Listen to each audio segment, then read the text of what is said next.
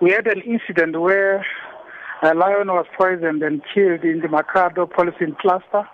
And following that, we arrested one suspect and uh, we were looking the remaining three.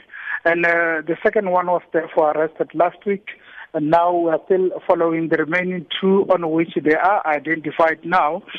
We will make sure that we track them down. And on the same note to say, we are not going to tolerate any illegal poaching carrying on in the province. We will make sure that we don't leave any stone unturned in dealing with these uh, criminal syndicates.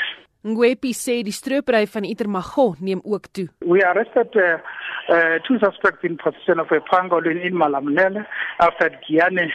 You remember during 2017 as a province we managed to arrest almost more than 10 suspects we, who were found to be in possession of this uh, animal. And we will make sure that uh, we, we monitor the situation so that we can prevent more to happen.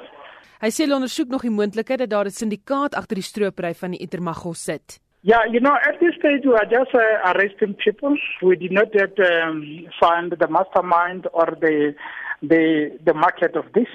As soon as we manage, we can we can arrest the mastermind. Then now we can talk of a criminal syndicate.